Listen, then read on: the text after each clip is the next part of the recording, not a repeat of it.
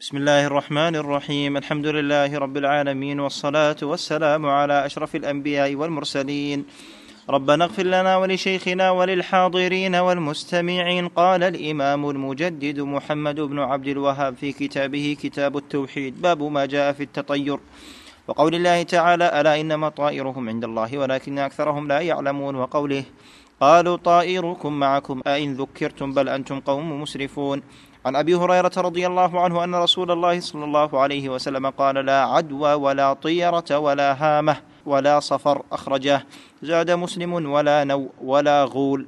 ولهما عن أنس رضي الله عنه قال قال رسول الله صلى الله عليه وسلم لا عدوى ولا طيرة ويعجبني الفأ.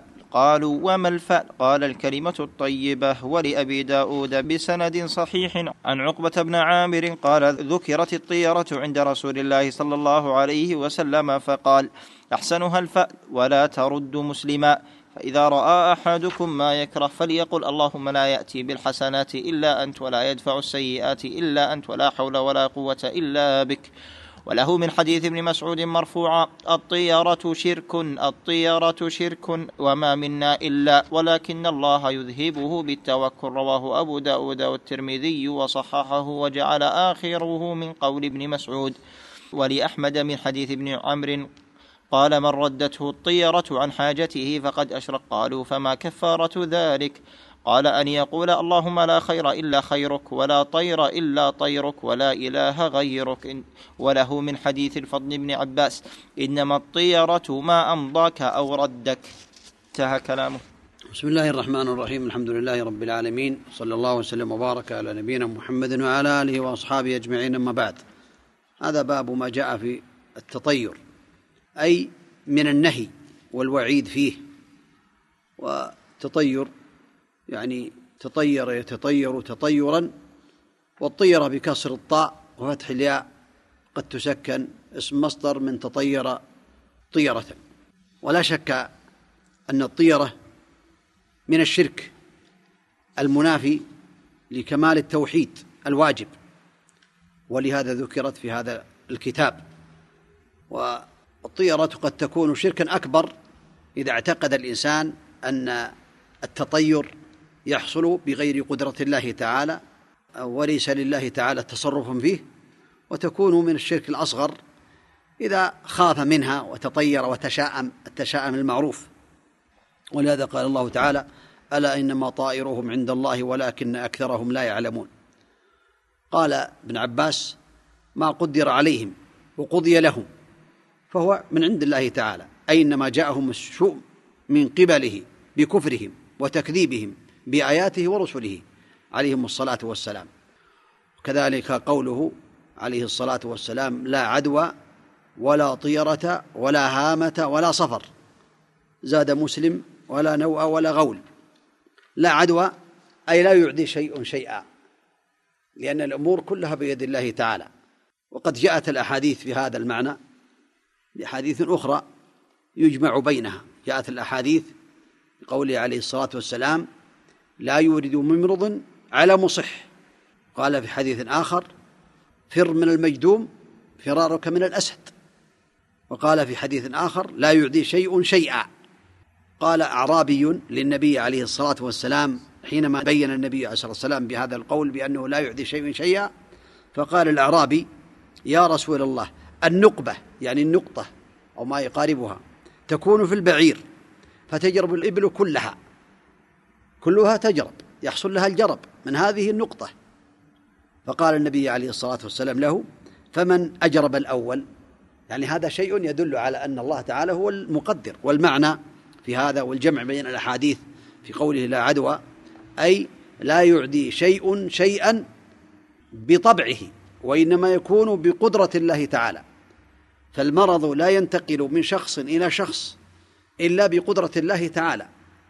أما بطبعه فلا ينتقل وهذا يدل على أن الإنسان يأخذ بالأسباب. فإذا كان هناك مرض آه، معروف بأنه تنتقل العدوى بإذن الله تعالى فيجتنب الإنسان هذا المرض وهذه المخالطة ولكن عليه أن يعلم ويتيقن أن المرض لا ينتقل بطبعه وإنما ينتقل إذا أراد الله. كم من الأصحاء خالطوا المرضى؟ الذين عندهم عدوى أو أمراض معدية فلا يحصل لهم شيء من ذلك.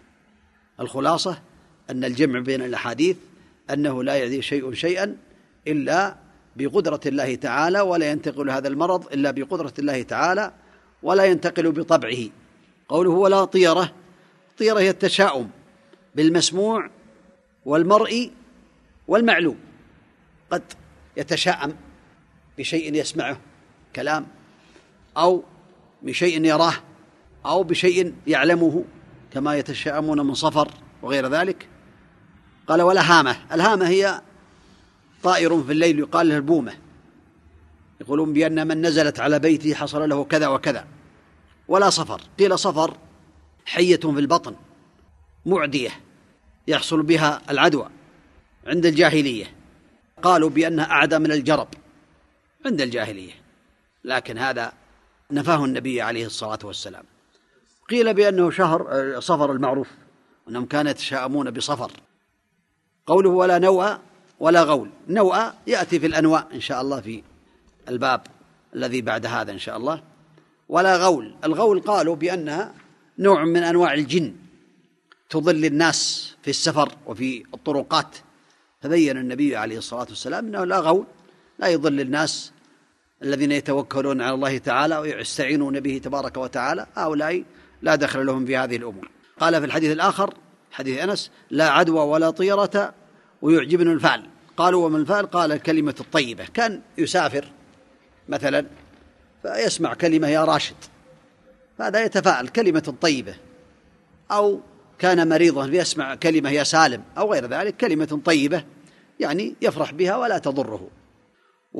وفي الحديث الآخر ذكرت الطيرة عند الرسول صلى الله عليه وسلم فقال أحسنها الفعل ولا ترد مسلما. إذا تطير الإنسان أو تشاءم من شيء فلا يرجع لأن الجاهلية كانوا يتطيرون بالطير. كان بعضهم يقول خير يا طير والطير لا يأتي بخير ولا يأتي بشر ما عنده شيء. إذا سمعوا ينعق أو يصيح قالوا خير يا طير لا خير عنده ولا شر. كان يتطيرون كذلك بالسوانح والجوانح. يعني السانح. الطير إذا ذهب إلى جهة اليمين قالوا هذا سانح. وإذا ذهب إلى جهة اليسار قالوا هذا بارح. وإذا أتاهم من أمامهم قالوا هذا ناطح. وإذا أتاهم من خلفهم قالوا هذا قاعد أو قعيد. هذه كلها من أعمال الجاهلية. الإنسان يستعين بالله تعالى ولا ينظر إلى هذه الأمور ولا يتطير ولا يتشاءم ويستعين بالله ويتوكل عليه سبحانه وتعالى. قال فإذا رأى أحدكم ما يكره فليقل اللهم لا يأتي بالحسنات إلا أنت ولا يدفع السيئات إلا أنت ولا حول ولا قوة إلا بك. هذا من الأدعية التي تعين الإنسان على أن يبتعد من هذا. وعن ابن مسعود قال الطيرة شرك الطيرة شرك وما منا إلا ولكن الله يذهب بالتوكل. طيرة من الشرك لا شك في ذلك من الشرك الأصغر إلا إذا اعتقد بأن هذا الطير ينفع ويضر من دون الله تعالى وما منا إلا. ولكن يذهب الله بالتوكل الذي يظهر والله أعلم كما ذكر العلماء أن هذه الكلمة من كلام مسعود لأن النبي عليه الصلاة والسلام لا يمكن أن يشرك بالله ولا يمكن أن يتطير عليه الصلاة والسلام. هذا من كلام مسعود وما منا إلا ولكن الله يذهب بالتوكل. يعني يتوكل الإنسان على الله تعالى إذا حصل له شيء في نفسه توكل على الله. وكذلك جاء في الحديث من ردت الطيرة عن حاجته فقد أشرك. قالوا فما كفرت ذلك؟ قال أن تقول اللهم لا خير إلا خيرك ولا طير إلا طيرك ولا إله غيرك. هذا يدل على أن الإنسان إذا اعتمد على الله تعالى وتوكل عليه فلا تضره والطيرة شرك كما في هذا.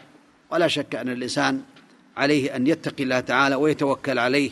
ولا يصيبه إلا ما كتب الله له تبارك وتعالى. قل لن يصيبنا إلا ما كتب الله لنا هو مولانا وعلى الله فليتوكل المؤمنون. لا شك أن الطيرة هي من أبواب الشرك الأصغر إلا إذا انتقل الإنسان قال بأنها يعني هذه التشاؤم أنه نافع وضار من دون الله تعالى فيكون من الشرك الأكبر.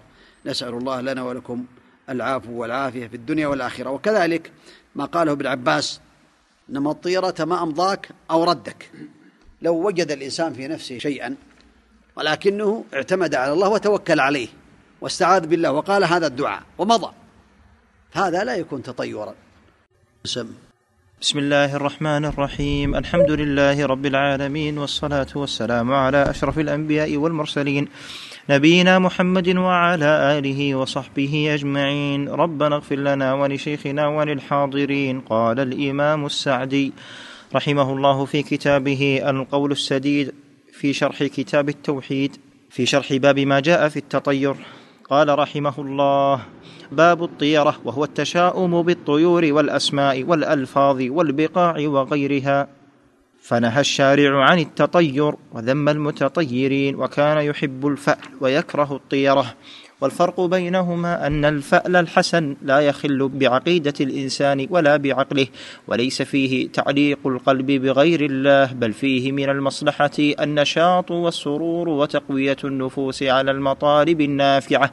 وصفة ذلك أن يعزم العبد على سفر أو زواج أو عقد من العقود أو على حالة من الأحوال المهمة. ثم يرى في تلك الحال ما يسره أو يسمع كلاما يسره مثل يا راشد أو سالم أو غانم فيتفاءل ويزداد طمعه في تيسير ذلك الأمر الذي عزم عليه. فهذا كله خير وآثاره خير وليس فيه من المحاذير شيء. وأما الطيرة فإنه إذا عزم على فعل شيء من ذلك من الأمور النافعة في الدين أو في الدنيا فيرى أو يسمع ما يكره أثر في قلبه أحد الأمرين أحدهما أعظم من الآخر. أحدهما أن يستجيب لذلك الداعي فيترك ما كان عازما على فعله أو العكس فيتطير بذلك وينكس عن الأمر الذي كان عازما عليه. فهذا كما ترى قد علق قلبه بذلك المكروه غاية التعليق وعمل عليه وتصرف ذلك المكروه في إرادته وعزمه وعمله. فلا شك أنه على هذا الوجه أثر على إيمانه وأخل بتوحيده وتوكله. ثم بعد هذا لا تسأل عما يحدثه له هذا الأمر من ضعف القلب ووهنه وخوفه من المخلوق وتعلقه بالأسباب وبأمور ليست أسبابا وانقطاع قلبه من تعلقه بالله. وهذا من ضعف التوحيد والتوكل ومن طرق الشرك ووسائله ومن الخرافات المفسدة للعقل. الأمر الثاني أن لا يستجيب لذلك الداعي ولكنه يؤثر في قلبه حزن حزنا وهما وغما فهذا وإن كان دون الأول لكنه شر وضرر على العبد وضعف لقلبه وموهن لتوكله وربما أصابه مكروه فظن أنه من ذلك الأمر فقوي تطيره وربما تدرج إلى الأمر الأول. فهذا التفصيل يبين لك وجه كراهة الشارع للطيرة وذمها ووجه منافاتها للتوحيد والتوكل وينبغي لمن وجد شيئا من ذلك وخاف أن تغلبه الدواعي الطبيعية أن يجاهد نفسه على دفعها ويستعين الله على ذلك ولا يركن إليها بوجه ليندفع الشر عنه. وانتهى كلامه رحمه الله. لا شك أن كما تقدم في قوله تبارك وتعالى قل لن يصيبنا إلا ما كتب الله لنا هو مولانا وعلى الله فليتوكل المؤمنون. المؤمن توكل على الله يعتمد بقلبه على الله تعالى ويعمل بالأسباب ويعلم بأن ما أصابه لم يكن ليخطئه وما أخطأه لم يكن ليصبه. هذا يحصل به الإيمان والتقوى والاعتماد على الله تعالى ومحبة الله تعالى والعلم بأن الله تعالى لا يقدر لعبده إلا ما يكون فيه الخير له في الدنيا والآخرة. نسأل الله عز وجل لنا ولكم العلم النافع والعمل الصالح والتوفيق لما يحب ويرضاه. اللهم صل على محمد.